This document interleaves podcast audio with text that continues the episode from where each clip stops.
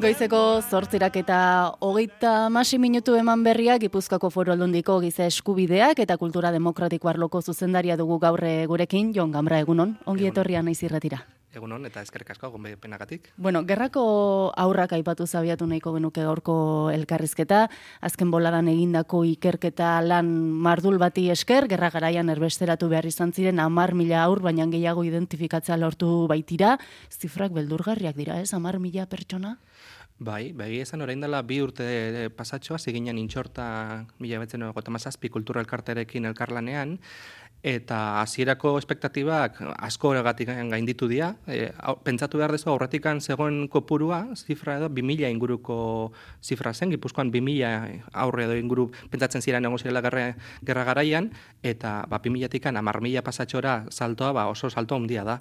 Eta aste, aurreko aste hau izan da zoramena, egun guztian telefono hori pegatuta egon naiz, ari dialako izen berriak ateratzen, eta batez ere identifikatu gabe geneuzkan, eta bizirik dauden gerrako umeen deika, ari aldun dira, besan ez gure hemen gaude, gure gerrako umea ginean, eta zerrenda hori oraindikan ere, pixkat, ez dugu, asko, espero asko zabaltzea, baina oraindikan zabalduz joango da, bai. Baliteke beraz amar mila baina gehiago ere izatea, hori gainera izango dira ez, testigantza zuzena Bai. ere eskainiko dutena bizitako horretaz, gainera okerez ba naiz, aitortza ekitaldi bat ere egitekoak eh, zarete larun batean, ekitaldi hori horrek balioko du, nola ere ez dakit, isten, baina bintzate sauri horiek zendatzen hasteko.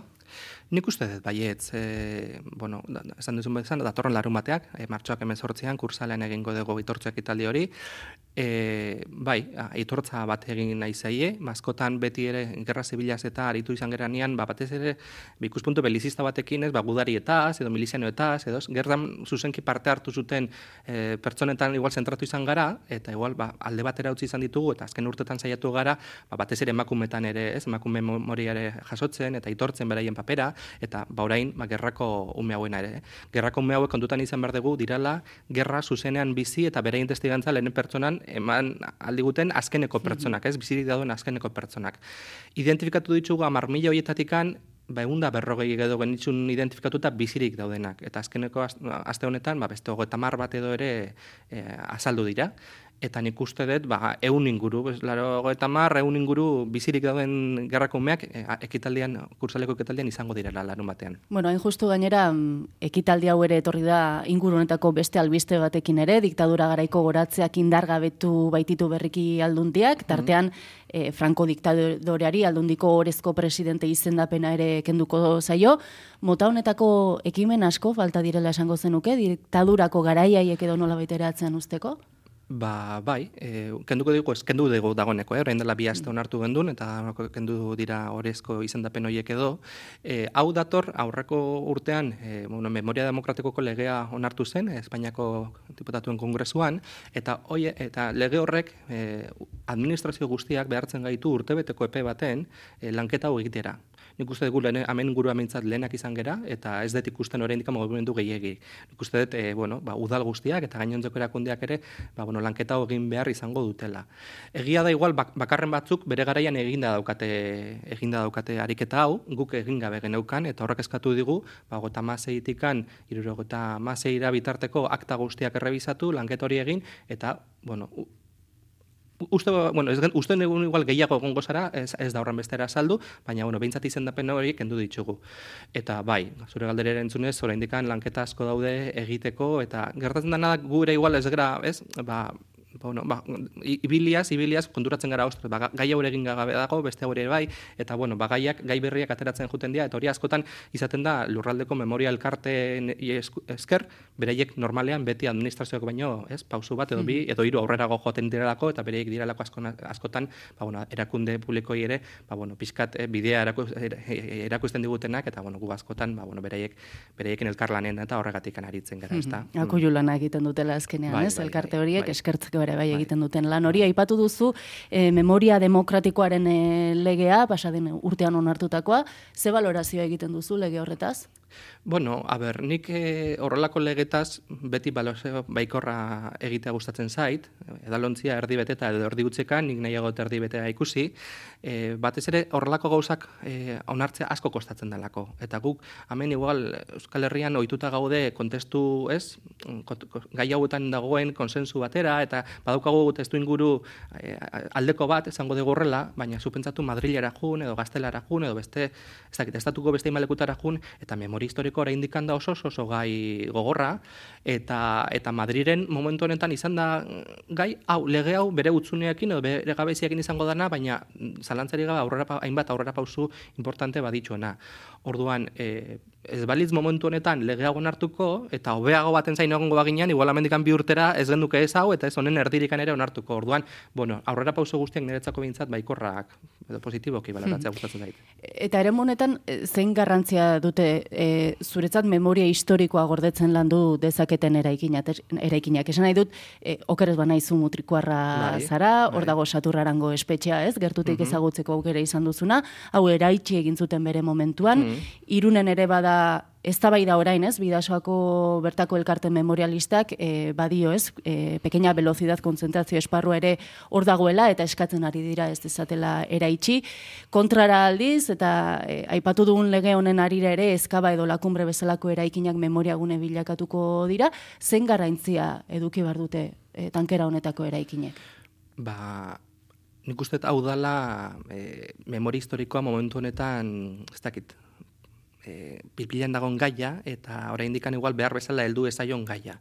Zer da memorialeku bat, zeintzuk babestu behar dian, zeintzuk ez, dana babestu behar da, e, zailkak pemat egin behar da, eta garrantzitsunak gordo edo mantendu behar eta gainontzekoak, ba bueno, ez dakit, e, da gailo oso komplikatua, za memorialekuak asko daude, gerra azkenean herri guztietatik pasatu zen, bakoitzarentzat bere inguruan bizi izan doan egoera ura da garrantzitsuena, eta bi aipatu dituzu, no, saturraran nik nire herria da, eta laro gota iruan, ba, gueldoak esan zian, oso ondatua geratu zen erekin, eta bota egin zen, e, eta ona, orain ari gera hor, aber, aire libreko behintzat, e, bueno, zerbait, interpretazio zentru txikikoa, aire librekoa, panelin bidez, zerbait egin nahian edo, azmorekin, irunen la pekoina velozia da aipatu dezu, baina beste egin badira gure lurraldean, eh? Buratzen zaitu orain momentuan, lesoko memoria elkartere badabilan badaude barrakoi batzuk, e, ba, bueno, e, lan, lan behartuetara ez, e, zigortuak izan ziren hainbat eta hainbat preso e, egon ziren barrakoi batzuk badaude, eta haiek ere jausten ari dira, eta arek mantendu, ez mantendu, lasarteko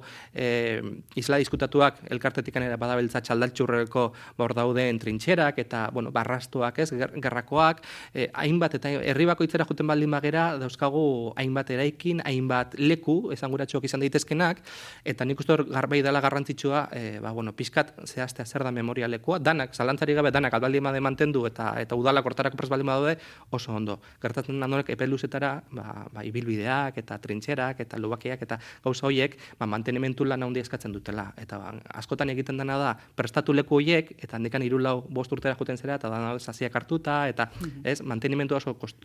Ordo, ba, bueno, balentasun batzuk ezarri beharko dira. Eta badaude, leku batzuk besteak baino garrantzitsua goak izan diren denak, ez da. Eh, aipatu dugu abia puntuan kultura demokratikoa da, beste mm. izendapenen artean ez duzentzen duzu narloaren edo izena. Esango zenuke gureak gizarte demokratikoa dela gaur egun? Gizarte demokratikoa, bai, zalantzarik gabenik bai ez ezango nizuke. Orain, gertatzen dena da, kultura demokratiko horretan sakondu gen behar dela, eta egunero landu beharreko kontu badala. Eta beti gizarte demokratikotan ere badaudela, e, ba, jarrera oso, demokratikoak, ez, bueno, kontestu baten edo e, ematen direnak. Eta, baina, bueno, kultura demokratikoan esango nuke baietz. Gero egia da, ba, testu inguruan, aziorte mailan, estatu mailan, Europa mailan batez ere, ba, eskuin muturrak, eta ez, ba, muturreko jarrerek ba, zelako goraka da bizi duten. Eta horrek beti ere alerta egoera batean ere egotera ez, eramaten gaitu, eta et, esaten bezala xirimi moduko bat, etengabeko lan bat egin behar da, egunero egunero, ba, bueno, pizkat balio demokratikoiek ere, ba, bueno, ba, balio etxi, eta, eta bueno, bai, horrekin darrean jartzeko. Azken garaitan, em, alegin ezberdinak ero ari dira egiten, aldebiko biktimen e, aitortza eta nolabait elkarrizketak edo nolabait sustatzeko, esango zenuke hori dela bidea nolabait ere hauzi honi guztiari ez dakit atera bidea emateko edo? Ba, bai, eta nik esango nuke Gipuzko horretan eredu dela. Gipuzkoan badaukagu, Gipuzkoako foru aldundiak bultzatuta, orain dela amar bat, amabi bat urte martxan jarri zen bizikidetza lantzen programa, Gipuzkoako eta sortzi udalerritan bizikidetza foroak modu ba, bueno, diskretoan, serioan, eta etengoko etengabeko lan baten e, horretan lanean ari dinak ikuspuntu horrekin. E, memoria integra, integral bat, e, biktima guztiak aitortuko dituenak, eta bueno, egia, justizia eta errepasiorako ba, bueno, pausuak eta ematen ari dinerak. E, ekintza batzuk publikoak dira, e, e, ba, hainbat herritan bizikidetza mai horiek edo foroiek publiko egin dira, eta beraien ba, memoria egunearen baitan, edo bestelako biktima ezberdinen aitortzak direla, eta edo ez, hainbat lanketa publiko egin dituzte, eta beste herri askotan ez da publiko egiten, e, bueno, isilpeko lan bat dago, etengabeko lan bat, baina izugarrezko lan, lanketa egiten ari dira. Justo, amarrutetako esperientzia hori e, jasotzen duen bueno, sistematizazio bat egin dugu, liburuki bat, ja argitaratu dugu, aurreko larun batean euki gendun, aurreko astean, ez, eren egun ez, aurreko astean euki gendun miramar jauregian, hor parte hartzen duten udal eta kordezkari eta herritar foroetako kideekin lan jardunaldi bat, esan publikoa izan, ez gendun komunikabidetara eta zabaldu, baina bai, bueno, pixkat egindako horren hausnarketa, eta etorkizunera begiren, nundikan bidiratu behar dugun hori, ezta? Eta, bueno, laizter, e, datozen hilabetetan, e, ba, bueno, amarrutetako esperientzia hori publikoki edo adiraziko dugu, askotan kanpora joten geranean Gipuzko eredu jartzen dutelako eta ez Bizkaien ez Araban ez Nafarroan inguruko lurraldetan ez da antzeko e, dinamikarik edo eman oso Gipuzkoan egin den gauza bada eta nik uste mundu mailan ere horrelako gatazkak bizi izan dituzten lekuetan ere ba, horrelako antzeko esperientziarik ez dela egon orduan hmm. bueno, Gipuzkoan ikuste badaukagula monetan zer esana hmm. Ordea auzi hau askotan izaten da ez lentsago zenion ez e, edalontzia erdi bete eta erdi hutsa ikusi hmm. askotan ikusten dugu edalontzia erdi hutsa e, auzi honei dagokionez zer falta zaigu e, jendarteari diote, e, behar bada gehien bat, e, honetan edalontzia beteta ikusten hasteko edo gutxien ez ez, erdi utxa ez ikusteko ederen. Bai, ba, jo, ba, gugunekin nahiko insistente izaten ari gera, itziar da nerekin zuzendaritzan lanean dagoen teknikaria, biok osatzen dugu gizaizkoetako zuzendaria, bi pertsona bakarrikan gera, eta herritara juten gera eta mai politikokin eta alkateta zinegotzekin elkartzen gera hori izaten diegu. Beriek daukate, sentipena ez, ba, urteak dara matzete, hilabetero, hilabetero, batzorde bat izango baliz moduan bizikidetza mai hoietan elkartzen, ez da errazi izaten, ze badana adostasun esan hortu behar da, eta adostasunetara iristeko iturarik ez daukagu, kulturarik ez daukagu, mm. elkarrizketarako, elkarrentzun, adostasunetara iritsi, eta askotan bi pausa aurrera eman, eta bat atzera, eta egoten dira momentu gatazkatsuak, eta, bueno, ez, dana guzti eta alde batera guzteko goguak ere egoten dira, eta ez dira askotan konsiente izaten zer dan lortu dutena, ze, ze, ze garrantzia daukaten eman dituzten pauso horiek. Eta gu askotan joten genuen herri horietara bereikin elkartzera esaten dugu, e, a ber, begiratu orain dela amarrutez nola gaunden, edo orain dela bostu urte, eta izugarrezko aurrera pausoak eman ditugu. Zailtasunak gaudela, noski, gauz asko falta diala, baita ere, baina gauz asko egin dira. Eta gero nik, bai, esango nuke horrelako, bizi, eh, horrelako mm, lanketere eta eh, politikaren beraien egoerak asko eragin handia daukala. Adibidez, politikaren polarizazioak, eta egun politika gero eta polarizatuagoa dago, ez zailtasun handiagoa suposatu norlako prozesuetan. Adibidez, hemen gipuzkoan orain dela boste dozei urte posible zein akordioak, hainbat gaur egun ja ez dia posible eta bueno, horrek ere hausnarketa ematen digu, ez? Osea, pausatzuk ematen dugu beste batzuk atzera eta bueno, ez dira prozesu errazak, baina egia da 10 urte bakarkan pasatu diala eta bere, ez, ekintza armatua behin betikoz bukatu eta herri honetan beste, bueno, garai berri bat zabaldu zenetik eta 10 urteko ibilbidea oso ibilbide laburra da. Eta antzeko gatazkak egon munduko bestein bat lekutan, e, hor, amarrutetan ez dira gure ez dakit, gure laurdenik ere ez dute lortu, nahi eta esan, gu, lehenko egunetikan, arazoren muinera junginean, eta benetan mintxuak, ez, ziren gaietan e, zuzenean sartu ginean, biktimak, bizikidetza, tabar, tabar. Orduan, bueno, nik uste balioan jarri behar degula, benetan egiten dugu lana, ez guke, oza, e, lurralde mailan esango nuke, bai alkate zinegotzi alderdi guztietakoak, bai herritarren foroetan dauden jendeak, eta, bueno, nik uste dut biktima bereiek ere bai, askotan, ba, bueno, ez, bai alde batekoak edo bestekoak, ez ditu gustatzen termino hitz egitea, biktimak orokorrean, baina bai eskusa baltasunez jokatu izan dutela, eta, bueno, oraindik asko egiteko geratzen bada ere, ja asko egin degula irutzen zait. Hmm. Bueno, anistasun sarea ere ehundu berria du aldundiak, anistasunaren alde lan egiten duten hogeita lau elkarte batu dituzue horretan, beti ere ba, pertsona guztien eskubide berdintasunaren alde eta diskriminazioaren aurkako premisak batzen dituztenak. Esango zenuke Gipuzkoarrena badela gizarte inklusibo bat? Ba, a ber, bai, nik esango nuke Gipuzkoa eta egiten ditugunean e, bazterketak Gipuzkoaren percepzioak, adibidez migrazioari buruz edo ez hainbat kolektiburi buruz, beti ikusten dugu Gipuzkoako datuak beti inguruko lurraldetako gaino pizka, pizka tobeagoa da direla. Horrek zerbait izan nahi du, ez? Eta nik uste eta Gipuzkoako ere, ez dakit gizarte zibilan ikusten ari garen mugimendua ere, adibidez etorkinekiko, e, ba bueno, oso aberasgarria dela.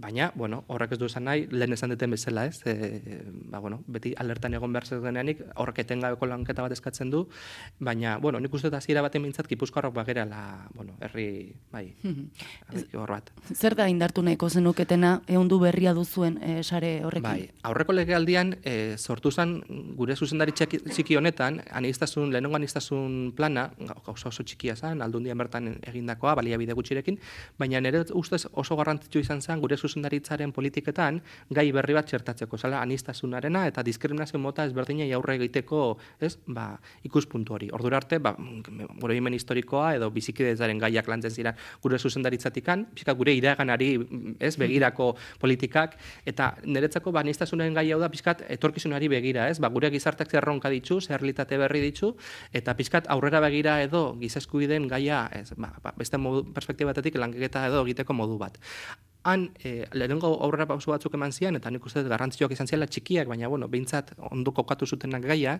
aldundiaren baitan, baina horrik lehenengo ba, e, planaren balorazio bat egin genduen, balorazio bat egin genduen, ba, inbat gabezi edo atzeman genitzun, ez? Eta bat zan elkartekin geneukan harreman falta. Ba, geneuzkan elkarte batzukin hitzarmenak, edo diru laguntzak ematen genizkien, edo, bueno, ez, harreman puntualak bat zeuden, baina benetan harreman nahiko, ez dakit, e, azalekoa zan.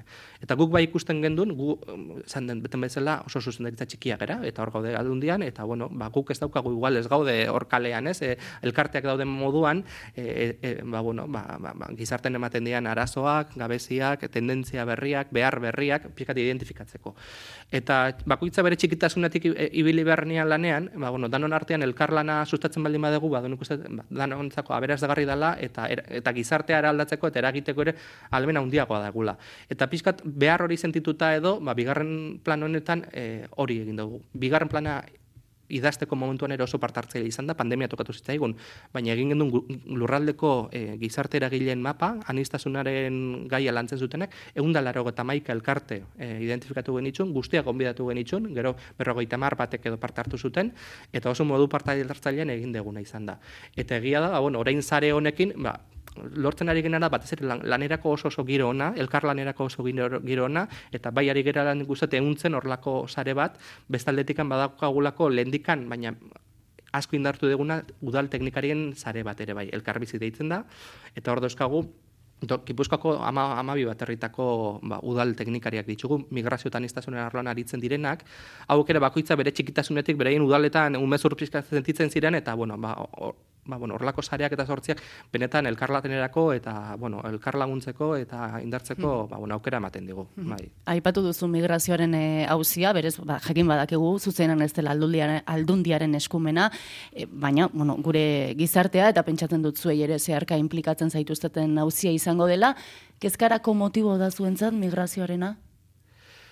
Bai, Bai, bai, migrazioa, bueno, oso gai zabala da, eta hor hain badaude hainbat e, gai ez, batetik handaukago irungo mugan gartatzen ari dena, lehen urrutu jan ikusten genitxun irudi horiek, orain gure etxean bertan ematen dira, azkeneko bi urtetan amar lagun hil dira, ez, bideazoa gaurizatu nahian, eta horrek, ba, bueno, e, ardura handia sortzen digu, eta bestetikan, e, ba, dauzkagu adibidez, ba, migrazio, e, bueno, e, atzerritar legearen sortzen dituen hainbat e, bueno, ba, disfuntzio edo ba, ba, adibidez ba, kalean bizi direnen e, ez, ba, migratzaile asko daude, bir urte horietan papelak lortu ezin dituztelako, lanba lortu ezin dutelako, berein egora regularizatu ezin dutelako ba, bizi baldintza oso gogortan bizi direnak. Ez? Orduan horrek nola ez, ba, beti preokupazio bat, ardura bat sortzen dizu eta bueno, ba, gizarte moduan ere berronka berriak dauzkagu ba, aurre egiten asmatu behar degunak.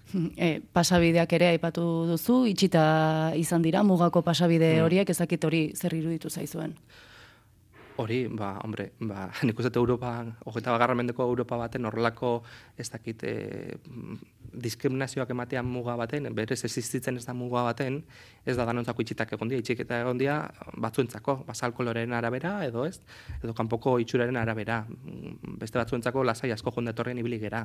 Orduan, bueno, Euro, eta garramendeko Europan nik uste guztiz onarte zina dela. Eta, bueno, nik uste amengo erakunde guztiak ez dugu, eh? baina bai jaurlaritza eta bai Madrilgo gobernu ere, ba, gai horietan, ba, Frantziako gobernuarekin, ba, bueno, zerbait egin nahian edo badabiltzatela, baina egia esan ez dira gauza, gauza arrazak. Mm. E, hauziak ari muturrasko dituela jakinda ere, e, nola bizi duzue azken aldian etxerigabekoen inguruan edo zabaldu diren informazioak, e, donostian badakizuen nahiko polemika eragin duela mm. ez, la sirena aterpetxez e, udalak edo egin duen kudeak. Eta hor donostiako harrera sarea kritikatu izan du udala nola mm. hartu duen jokabidea, nola ikusi duzue afera, o nola ikusten duzue orokorrean afera?